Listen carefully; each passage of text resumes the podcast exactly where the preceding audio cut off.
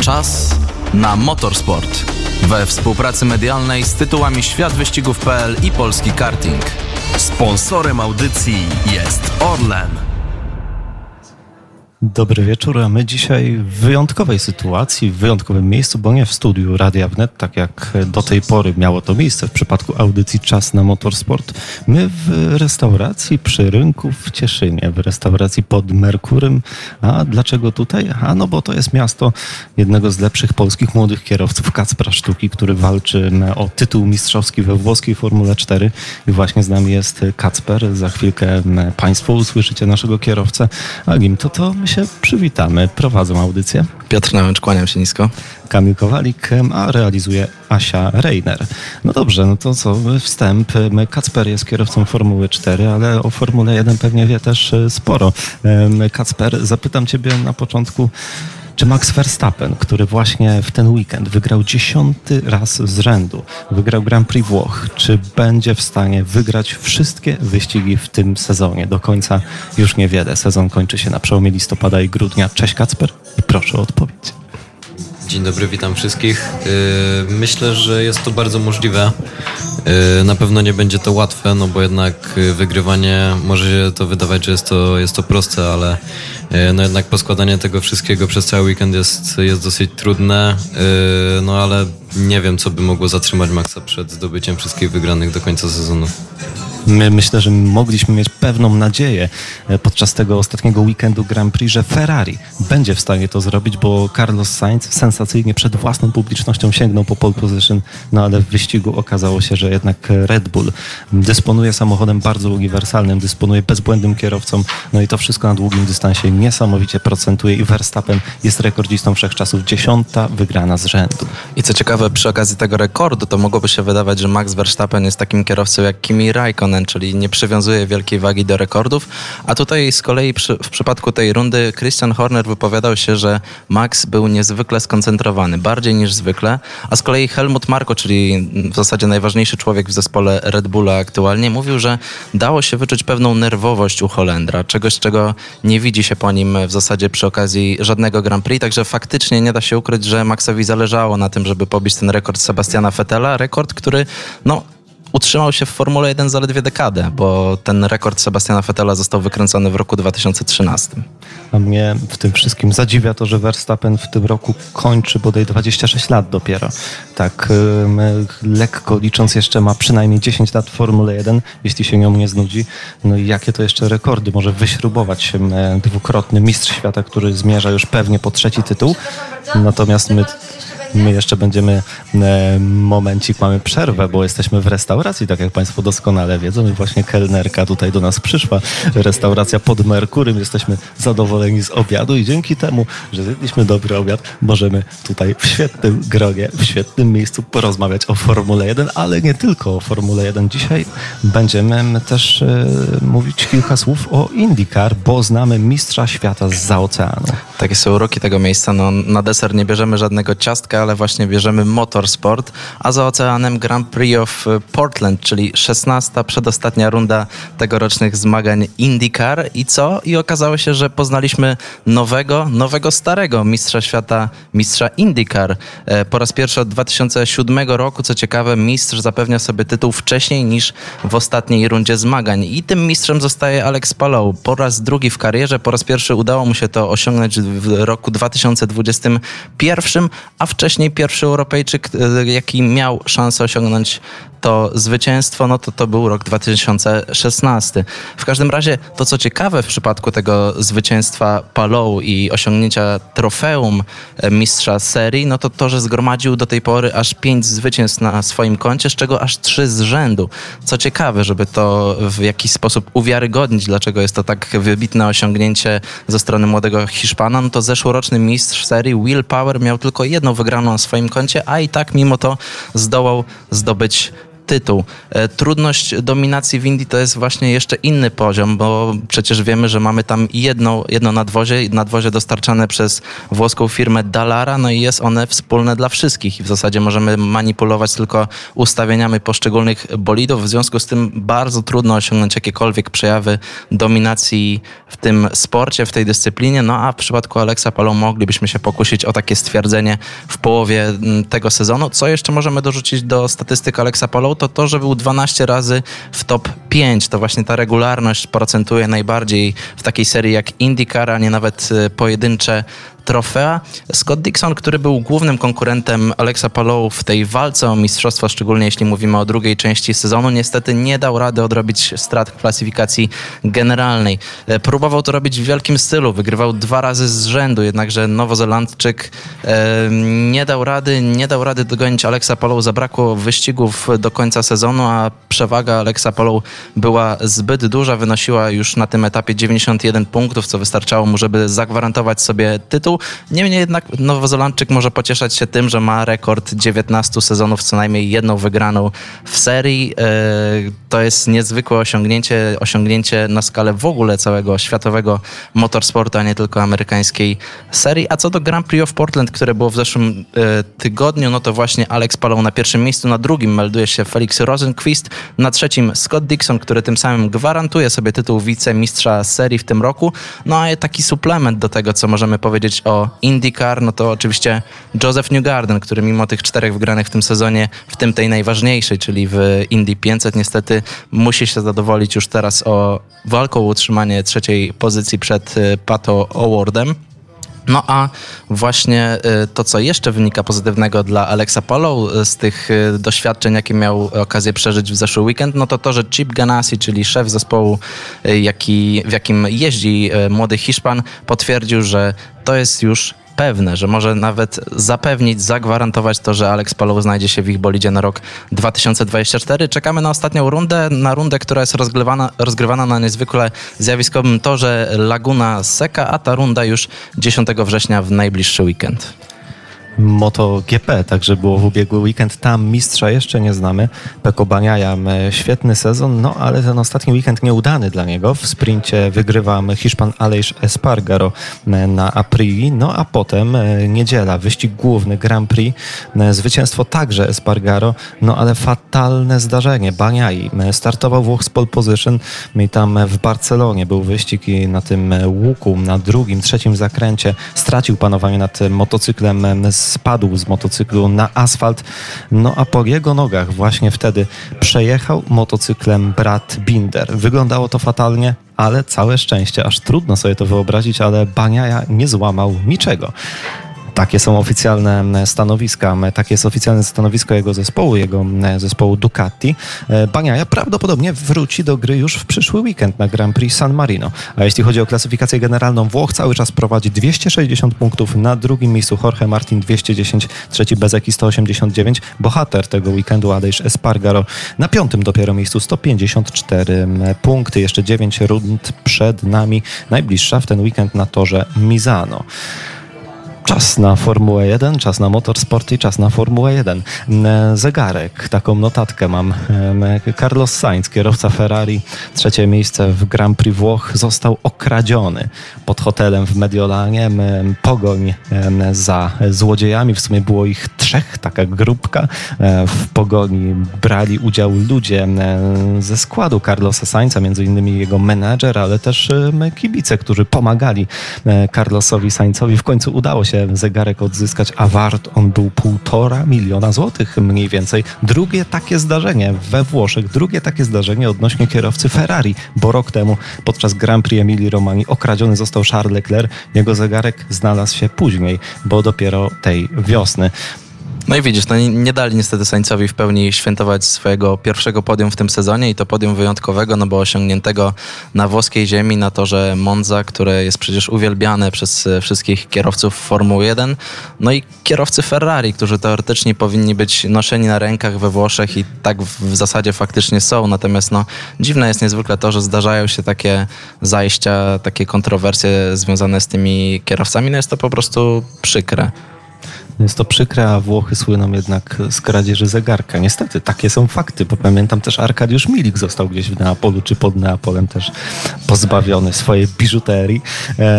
Ferrari, mówimy o nich, a oni zagwarantowali kapitalną walkę w, we Włoszech na torze Monza w ubiegłą niedzielę. Sainz startował z pole position, co prawda nie udało się obronić pierwszej pozycji, przegrał z Verstappenem, przegrał z Perezem, no ale świetne obrony, zarówno w walce z aktualnym mistrzem świata, jak i No i też e, potem ten pojedynek w zespole Ferrari.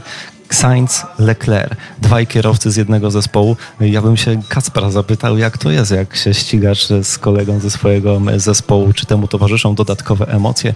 Jak to odbierasz taką walkę? E, no na pewno towarzyszą temu dodatkowe emocje.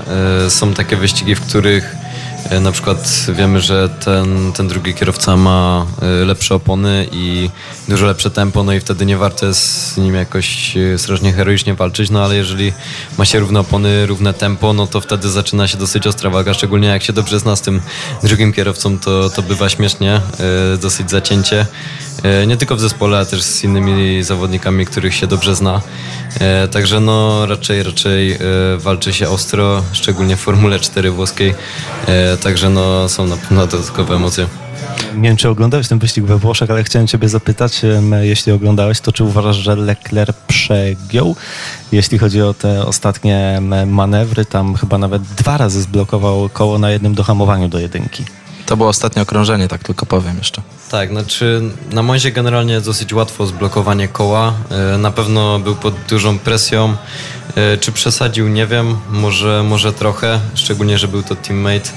E, nie wiem, nie wiem. Nie mi oceniać, niech, niech sędziowie ocenią. No w transmisji telewizyjnej wyglądało to niezwykle okazale, bo otrzymaliśmy informację o tym, co mówił inżynier wyścigowy do Charlesa Leclerca, że Charles, uspokój się, dowieźmy to, nie ryzykujmy niepotrzebnie i właśnie w tym momencie, jak tylko inżynier wyścigowy skończył wypowiedź do e, swojego podopiecznego, w tym właśnie momencie Charles Leclerc próbował na początku z, od zewnętrznej, potem od wewnętrznej, aby potem zblokować oba koła i niemalże skończyć e, na Carlosie Sainzie niczym, niczym kiedyś to było w Azerbejdżanie w przypadku Red Bulli w 2018 roku. No myślę, że pewnie brawa należą się e, szefostwu Ferrari, Fryderykowi Wasserowi, który sam podjął tą decyzję jako szef zespołu, że kierowcy mogą się ścigać, mimo że działo się to przed własną publicznością, mimo że tylko jeden mógł stanąć na podium.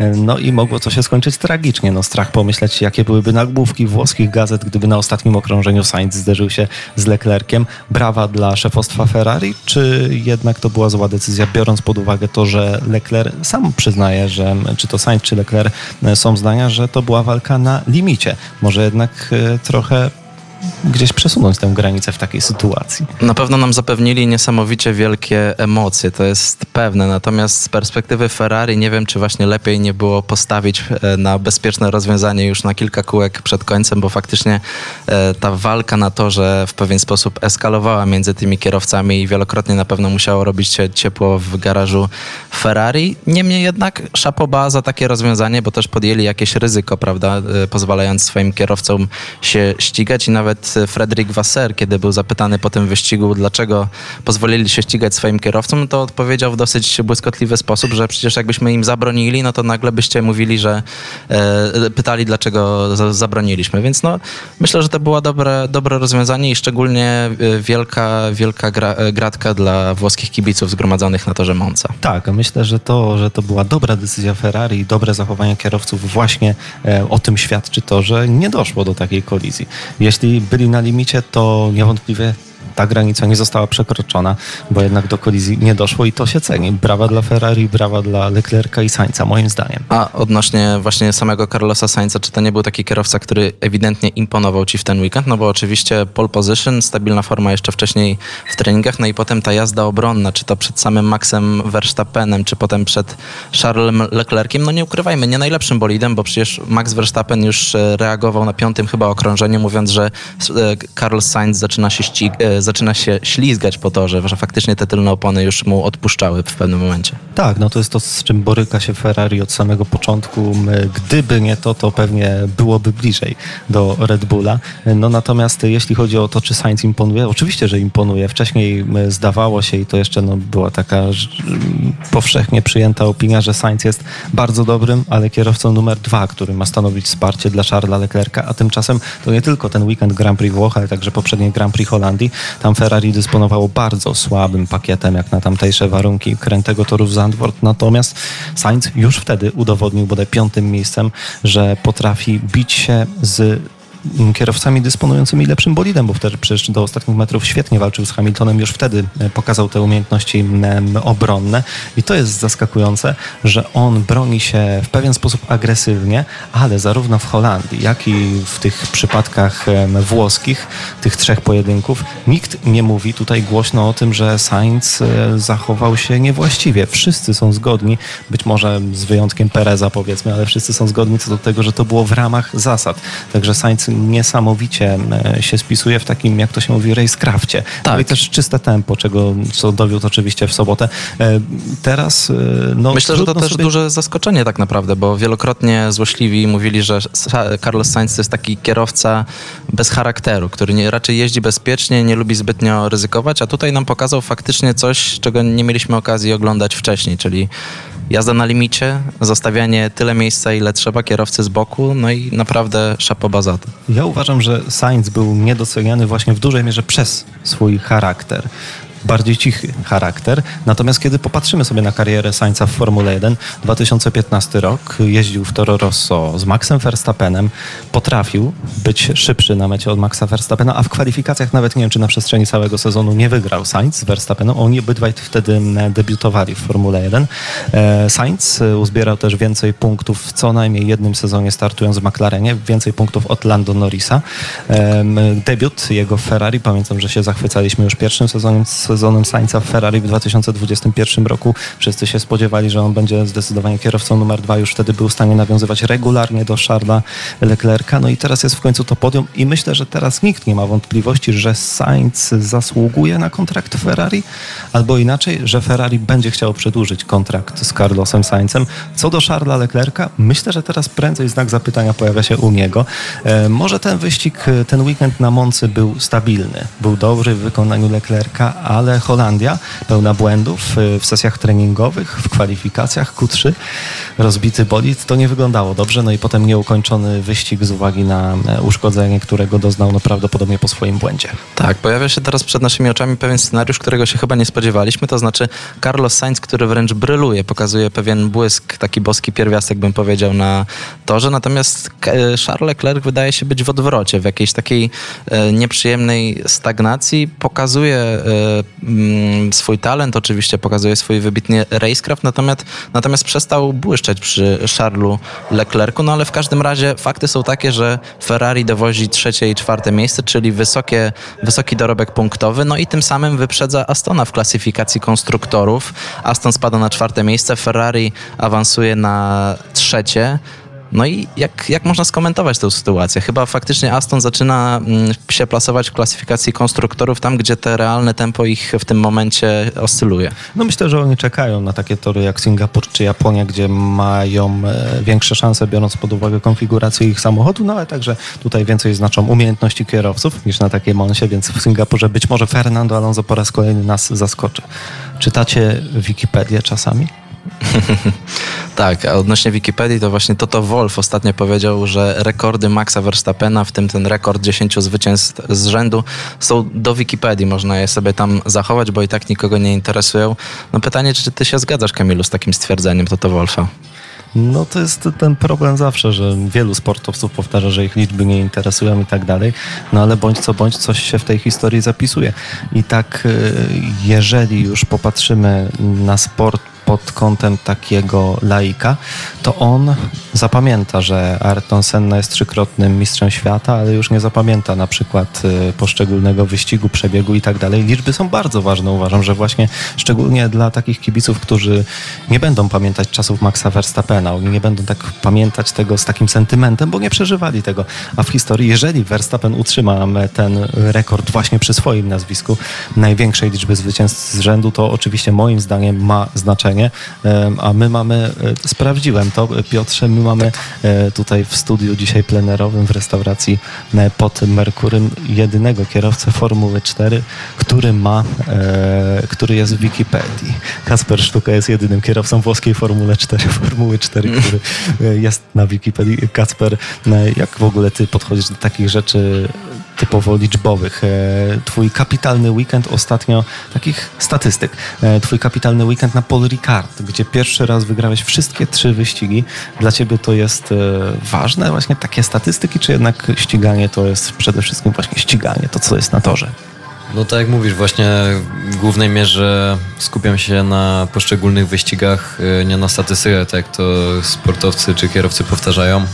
E, no wiadomo, fajnie jest, e, że to zostaje.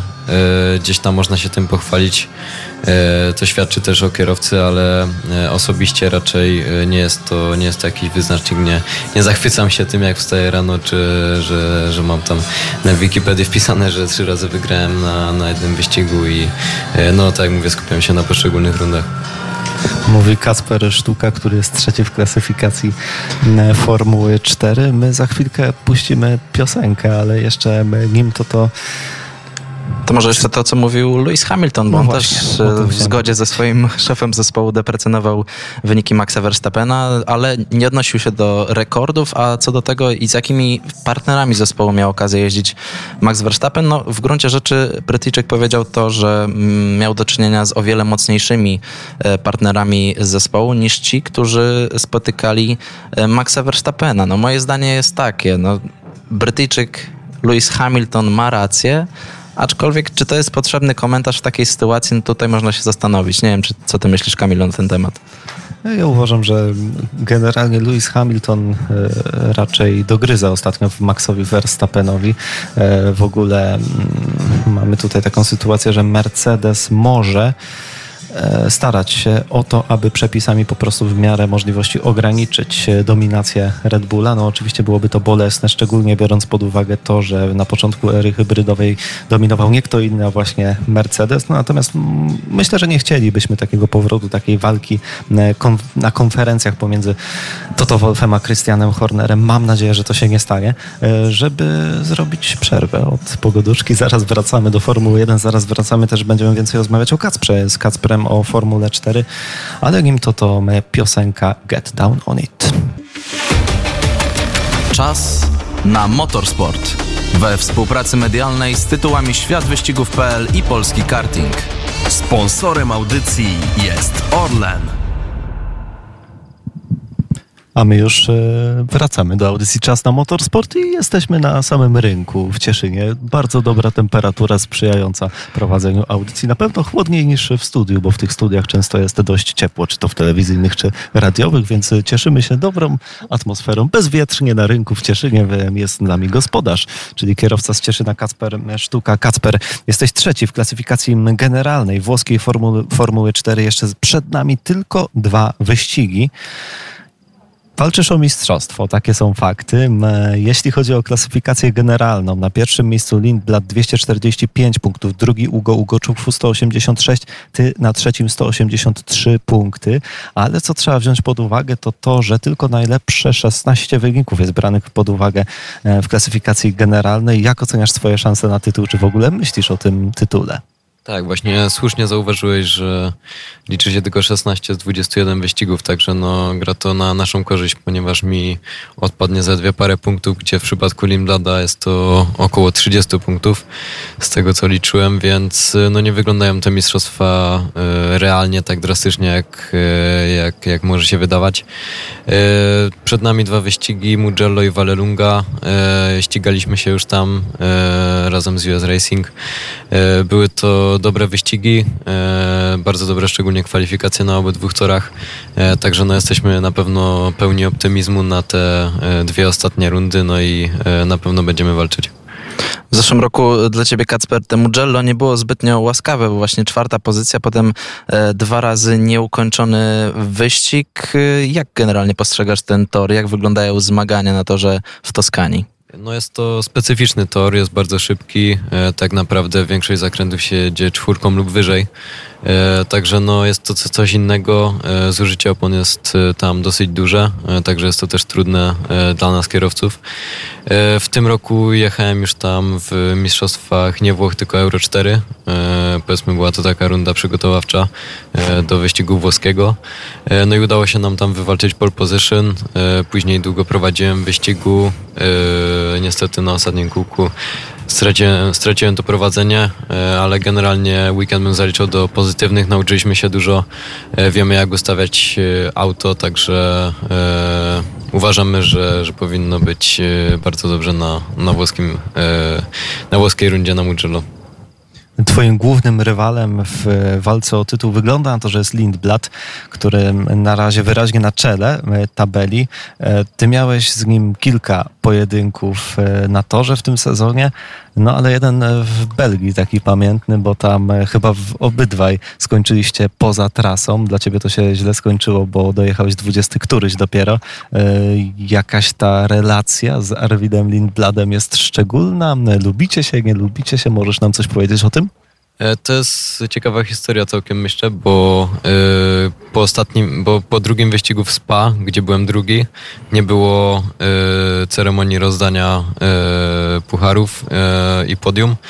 Także mm, rozdawanie było dopiero po trzecim wyścigu, także mimo tego, że i ja i on nie skończyliśmy e, tego drugiego wyścigu, to zobaczyliśmy się na podium po ostatnim wyścigu, także e, no staliśmy obok siebie, nie, nic, nic nie rozmawialiśmy, e, ale później już wszyscy poszli, ja tam jeszcze rozmawiałem z inżynierem i on chyba też, także zostaliśmy sami i szliśmy, mieliśmy taką długą drogę, bo na spasie długo idzie dosyć do, do namiotów, no i mieliśmy taką długą drogę i szliśmy obok siebie, no i uznałem, że, że wypadałoby coś powiedzieć, no i mm, powiedziałem, że, że, że sorry, że e, jeszcze nie widziałem onboardów, ale e, mogłem, mogłem tam po prostu za późno zahamować, on powiedział, że, e, że spoko, że nie ma, że nie ma żadnego problemu, że, że była dobra walka ogólnie, że nie ma, nie ma nic do mnie osobiście, przybiliśmy sobie piątkę, coś tam pożartowaliśmy i w sumie od tamtego czasu się witamy, także tak naprawdę się z nim wtedy poznałem. E, Jeszcze mi nie oddał e, pucharu za e, Mugello, także będę go musiał spytać, co z nim jest, bo, bo nie chciał mi go oddać po, po jego karze, ale nie, myślę, że między nami jest wszystko ok. A pod względem osobowościowym, pod względem charakteru, co jest takiego w Erwidzie Lindbladzie, co może go wyróżniać na tle innych kierowców F4, włoskiej F4, twoim zdaniem? E, Nie znam go aż tak dobrze osobiście, ale z tego co słyszałem od kierowców, którzy go lepiej znają, e, jest podobno bardzo pewny siebie i generalnie jak coś się dzieje złego, to, to raczej on uważa, że to nie z jego winy. E, Tyle słyszałem. E, Sam poznałem go na pewno z dobrej strony. E, Był, był raczej za- zawsze miły. Jako kierowcę e, no jest na pewno bardzo stabilny. E, Może nie wygrywa wszystkiego, nie jest e, najszybszy, ale zawsze dowozi dobre miejsca. E, No i myślę, że, że to go wyróżnia, że e, zawsze punktuje i zawsze dowozi, e, nawet jak nie najlepsze, to, to dobre rezultaty. Lindblad y, jeździ w zespole Prema i w ogóle wszyscy twoi główni y, rywale w walce o tytuł jeżdżą właśnie w tej włoskiej ekipie, a ty jesteś jedynym przedstawicielem zespołu y, niemieckiego AS Racing y, w czołówce. I jak to się dzieje, że kiedy wszyscy mają te same nadwozia we włoskiej Formule 4, jest jeden zespół, który tak się wybija? Co sprawia, że są tak wyraźne różnice pomiędzy zespołami w serii No jest to, e, no wpływa na to parę czynników. E, Wiadomo, najpierw ustawienie bolidu, przygotowanie go między wyścigami. E, No myślę, że co ważniejsze to to, że w premie jedzie dziewięciu kierowców, mają dużo telemetrii, dużo danych od innych kierowców, uczą się nawzajem od siebie, mają szybkich kierowców, także jest im na pewno dużo łatwiej jakby nauczyć kierowców jechać tym autem, które mają, przez to, że właśnie mają tyle danych, no a w moim zespole e, jest, e, jestem zazwyczaj ja szybki e, i albo jeden, albo, albo nikt, teammate, który jest szybki, więc tak naprawdę do wielu rzeczy muszę dochodzić sam. No jest to jakieś utrudnienie, ale też no, jestem doświadczonym kierowcą, no i, no i udaje się to ta- na tyle spiąć, że, że faktycznie udaje się dowozić wygrane. Kacper, pamiętam jak rozmawialiśmy po weekendzie na Moncy, to była wtedy czwarta runda włoskiej F4, no i tam zdobyłeś podium, swoje trzecie na tamten moment, no i mówiłeś faktycznie, że to możliwe e, i to jest czynnik, który przesądza o tym, że to jest lepszy sezon włoskiej F4 dla ciebie niż w zeszłym, w zeszłym sezonie, no a potem, e, co ciekawe, zdarzyła się ta runda w Le Castellet na Paul Ricard, gdzie wykręciłeś mistrzowskiego hat-tricka, zdobyłeś e, trzy zwycięstwa w trzech wyścigach, z czego w jednym nawet z najszybszym okrążeniem. No i to był też tor, na którym przecież debiutowałeś w tej włoskiej serii, także pewnie e, masz z nim jakieś e, szczególne wspomnienia. Co sprawiło, że ten weekend na torze Paul Ricard e, we francuskiej Prowansji był aż tak obleczony w sukcesy dla ciebie? Szczerze nie jestem sam do końca pewien. Na pewno byłem jednym z bardziej doświadczonych kierowców na tym torze, bo jechałem tam już wyścig dwa lata temu, ale myślę, że to nie było głównym czynnikiem. Y, Mieliśmy, myślę, auto porównywalne do tego, co mieliśmy przez całą resztę sezonu, bo jak popatrzymy na, na innych y, kolegów z zespołu, no to jechali gdzieś tam w okolicach pierwszej dziesiątki, ale nie wchodzili nawet do pierwszej piątki, także e, no, auto nie wybijało się jakoś, myślę, mocno e, w ten weekend.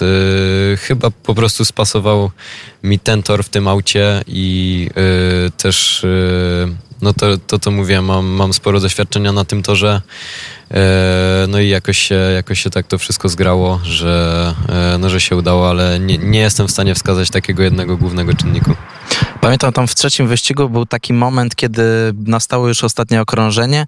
Ty jechałeś na drugiej pozycji, aż tu nagle w ostatnim sektorze, dosłownie na kilka zakrętów przed końcem, e, kierowca przed tobą doznał jakiejś usterki technicznej, zwolnił, no i ty mogłeś e, go w tym momencie wyprzedzić i dopełnić tego swojego zwycięskiego hat-tricka. Powiedz, co się działo wtedy u ciebie pod kaskiem, jak widziałeś, jak ten bolid przed tobą dramatycznie zwalnia? O, to w ogóle zaczęło się nie, na, nie w ostatnim sektorze, tylko już trochę wcześniej.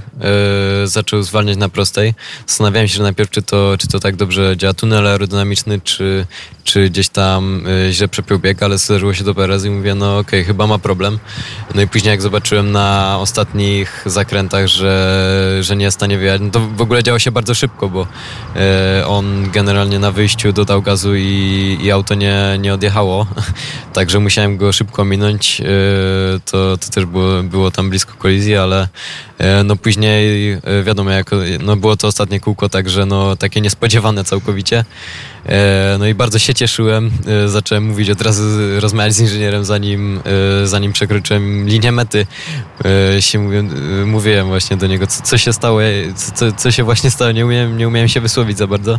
Jeszcze widziałem, że mechanicy Premy byli na, mm, na pitwallu i oni tam się przygotowywali do cieszenia się z, z wygranej Jamesa. No a wyjechałem z ostatniego zakrętu ja jako pierwszy. E, Także no myślę, że to też dodało e, do tego wszystkiego jeszcze więcej radości, że się to stało w ostatnim momencie. Też w ostatnim wyścigu e, James miał lepsze opony przez to, że zaoszczędził, nie, nie ukończył drugiego wyścigu bodajże. E, Także no jechał na sporo świeższych oponach. Ale tempo cały wyścig było porównywalne. Także no, był to trudny wyścig, nie licząc samej, samej końcówki, gdzie się udało faktycznie go przejść przez jego awarię. No ale po całym weekendzie, e, jeszcze, jeszcze wcześniej mi inżynier taki jeden zrobił, powiedział, że nie robię ci presji, ale nikt w historii US Racing nie wygrał jeszcze trzech wyścigów w ten sam weekend. E, Mówię, okej, spoko. To taki rekord e, Verstappenowy, ale to to Wolf by, by, by, by tak machnął ręką na to. tak, tak, tylko liczby w Wikipedii.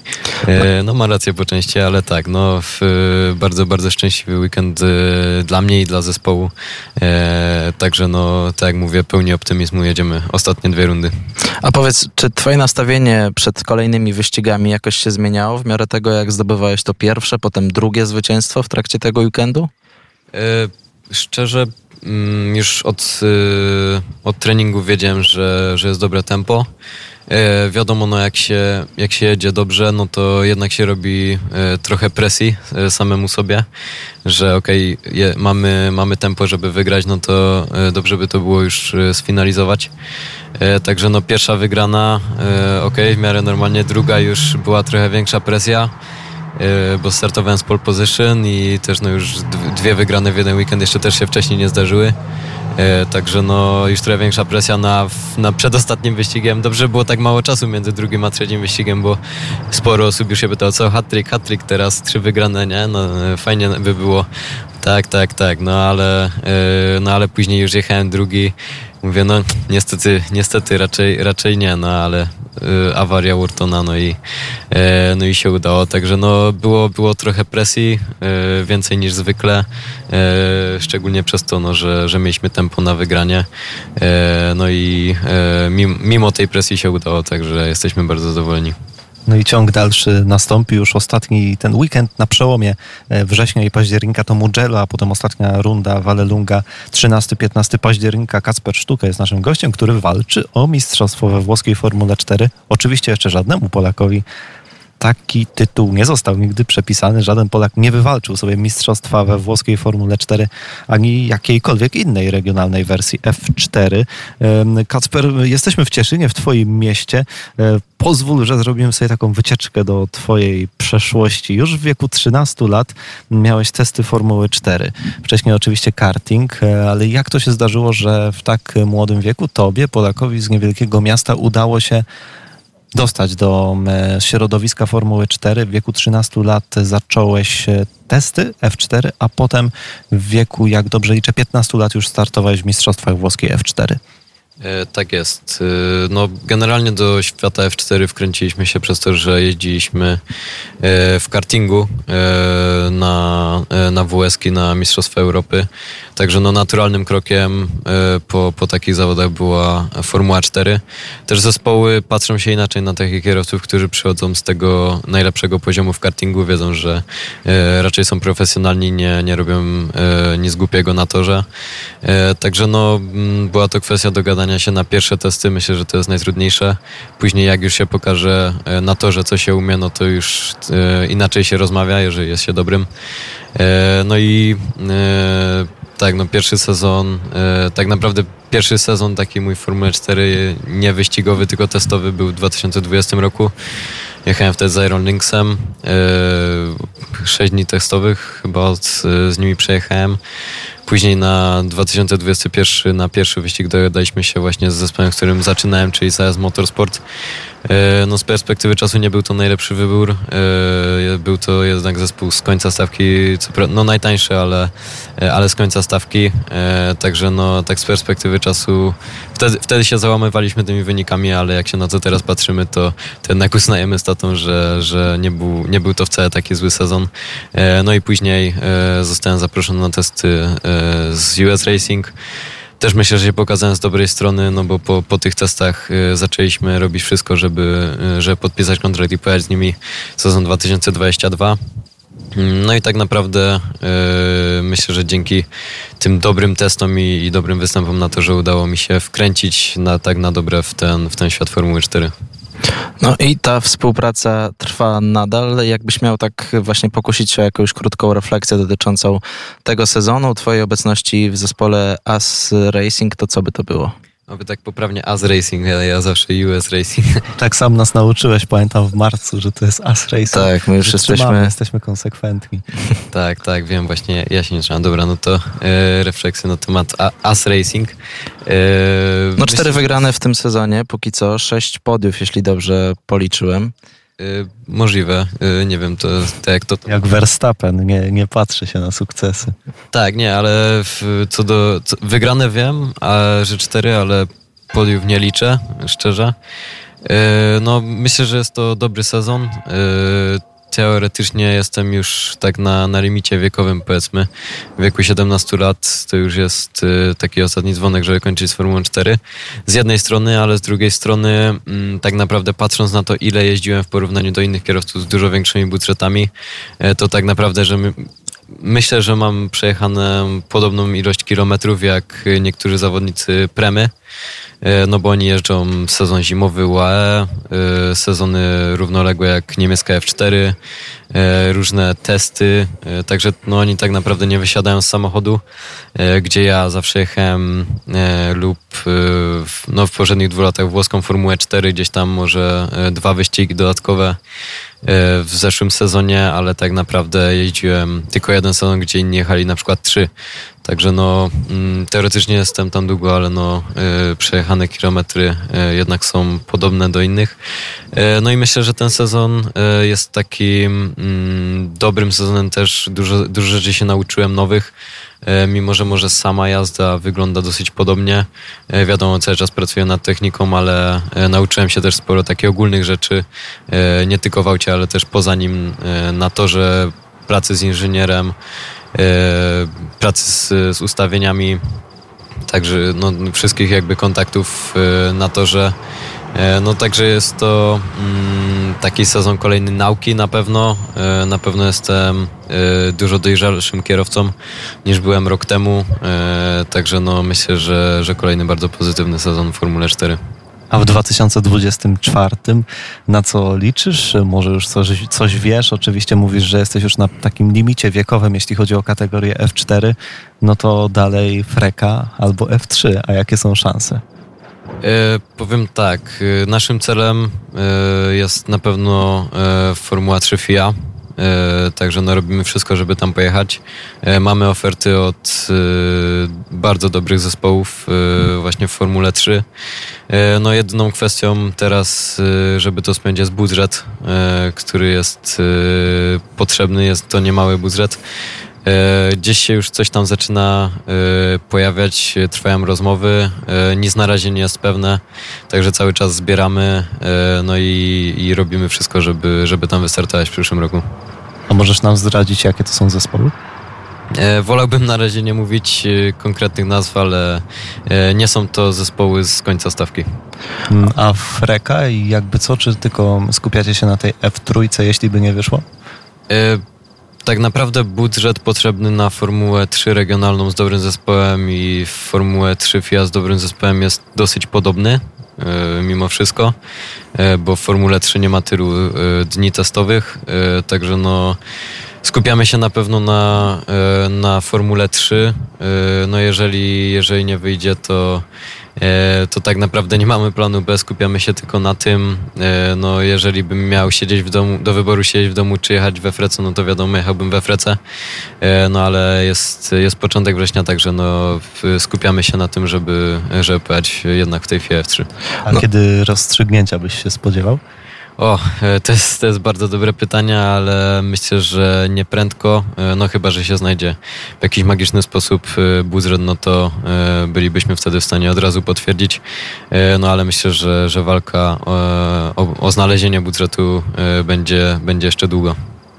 No, oby ta przyszłość kreowała się w jak najjaśniejszych barwach dla ciebie, no ale w tym roku między innymi jednym z pozytywów jest to, że trafiłeś pod skrzydła Orlenu, zostałeś ich podopiecznym, no i nie tak dawno dostałeś szansę wraz e, z takimi kierowcami jak Tymek Kucharczyk, jak Maciej Gładysz, Karol e, Krent, aby pojawić się na Grand Prix Holandii. Była to wyprawa ufundowana przez Orlen. Mieliście okazję oczywiście być w garażu Alfa Tauri, spoglądać na to wszystko od kuchni, można by powiedzieć.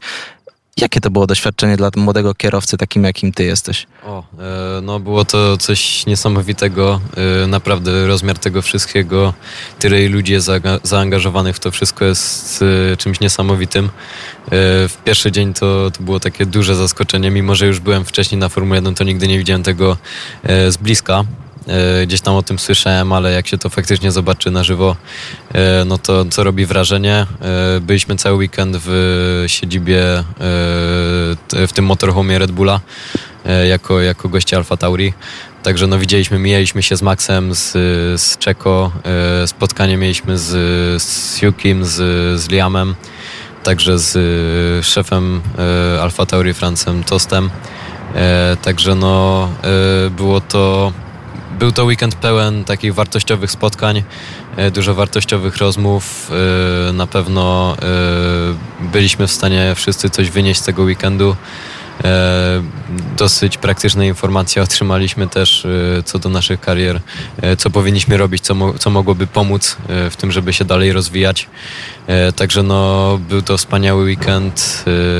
Możli możliwość pojechania tam dzięki Orlenowi jest, jest czymś naprawdę wspaniałym. No, zobaczenie tego z bliska, no na pewno, na pewno tego nigdy nie zapomnimy. Muszę dopytać, czy w takim razie, jak byliście w tamtym środowisku, e, pojawiły się jakieś głosy, jakieś domniemania, że e, może się znaleźć miejsce dla Polaka w Akademii Kierowców Red Bulla? E, nie, niestety nie.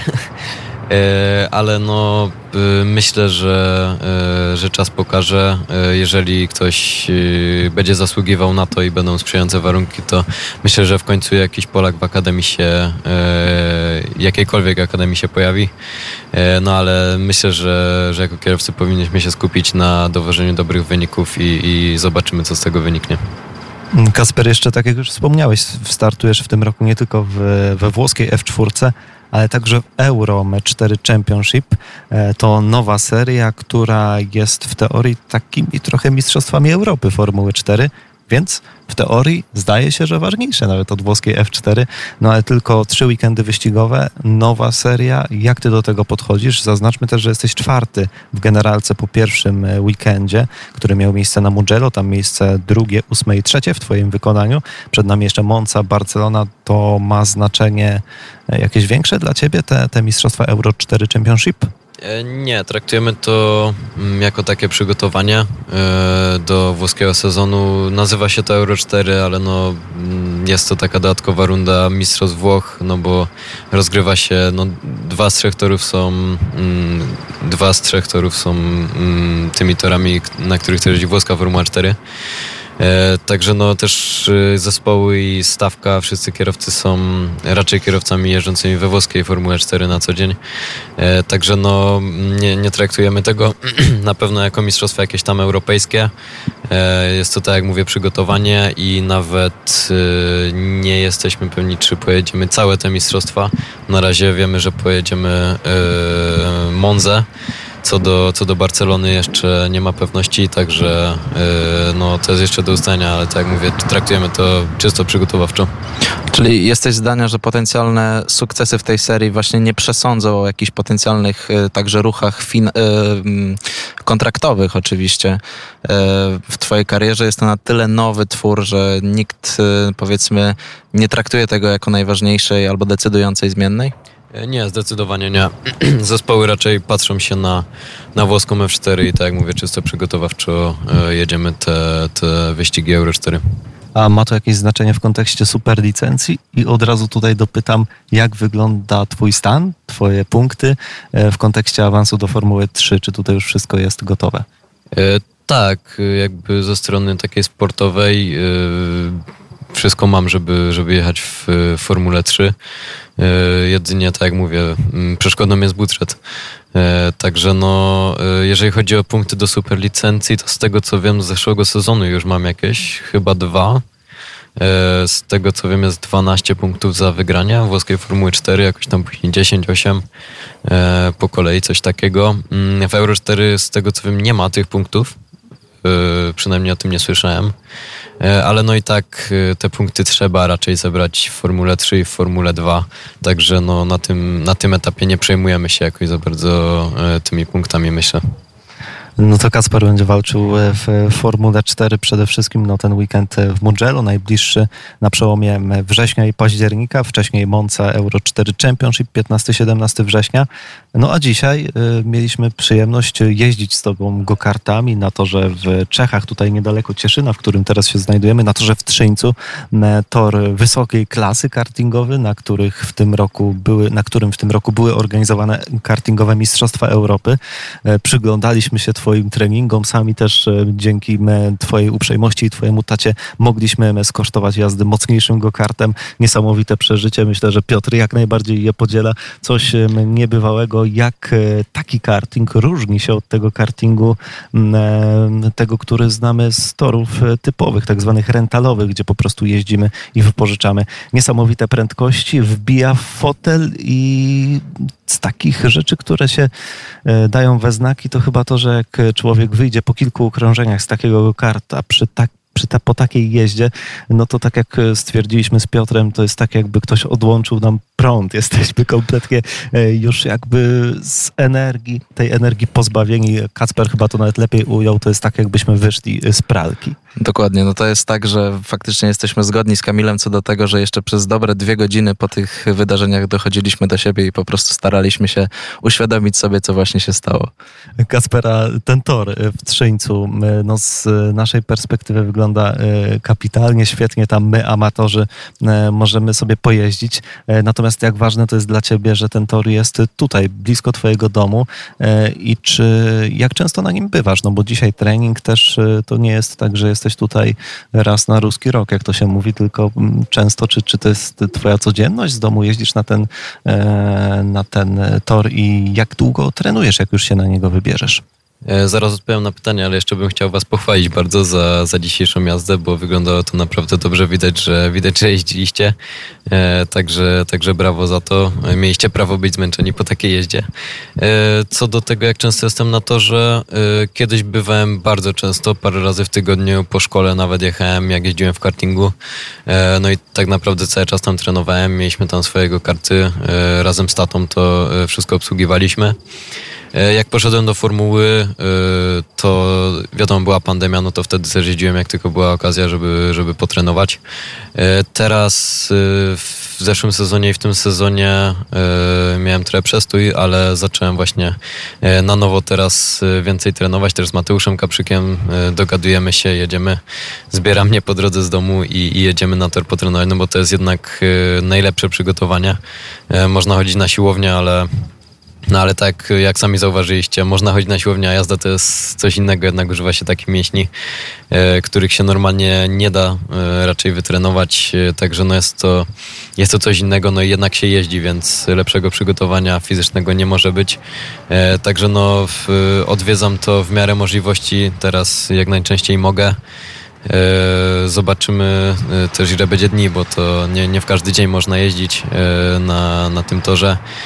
No ale myślę, że, że jeszcze na pewno parę razy uda się wyskoczyć w tym roku, no i faktycznie przygotować się fizycznie, no i też wiadomo się pobawić tym, bo to tak jak sami dzisiaj widzieliście, jest bardzo, bardzo przyjemna, bardzo fajna zabawa.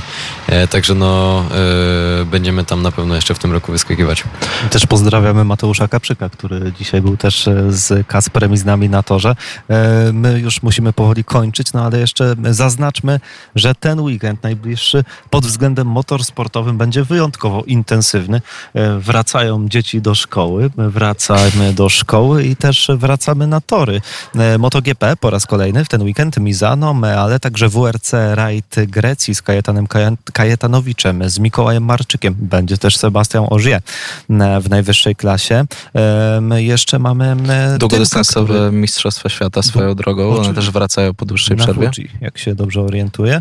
E, I Tymek Kucharczyk, kolega Kacpra, rówieśnik w GB3 na torze Brands Hatch. Bardzo intensywne e, zmagania, e, siedem wyścigów. Siódmy w generalce jest na ten moment Tymek, Tymek Kucharczyk, a my przypominamy o zbiórce też dla Tymka. Tymek zbiera na ukończenie sezonu w GB3. Potrzebne jest wsparcie fanów sportów motorowych. Do nich zwraca się Tymek.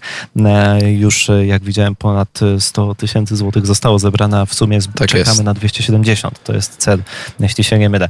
E, za dzisiaj z Cieszyńskiego Rynku, z miasta Kacpra Sztuki bardzo dziękujemy. Z nami był właśnie Kacper, kierowca Formuły 4. Dziękuję Kacper. Dziękuję bardzo również. Dziękujemy bardzo. No i jeszcze raz dziękujemy przecież za doświadczenie, jakie zapewni, zapewniłeś nam dzisiaj ze swoim ojcem. Niezwykłe doświadczenie sportowe. Zapamiętamy to na pewno z Kamilem na długo. Niewątpliwie. A Asi Reiner, dziękujemy za zrealizowanie tej audycji. No i my się żegnamy. Do usłyszenia za tydzień o godzinie 21. Dziękuję. Piotr Nałęcz, do usłyszenia. Dziękuję bardzo. Kamil Kowalik, do usłyszenia. Czas na motorsport. We współpracy medialnej z tytułami Świat Wyścigów.pl i Polski Karting. Sponsorem audycji jest Orlen.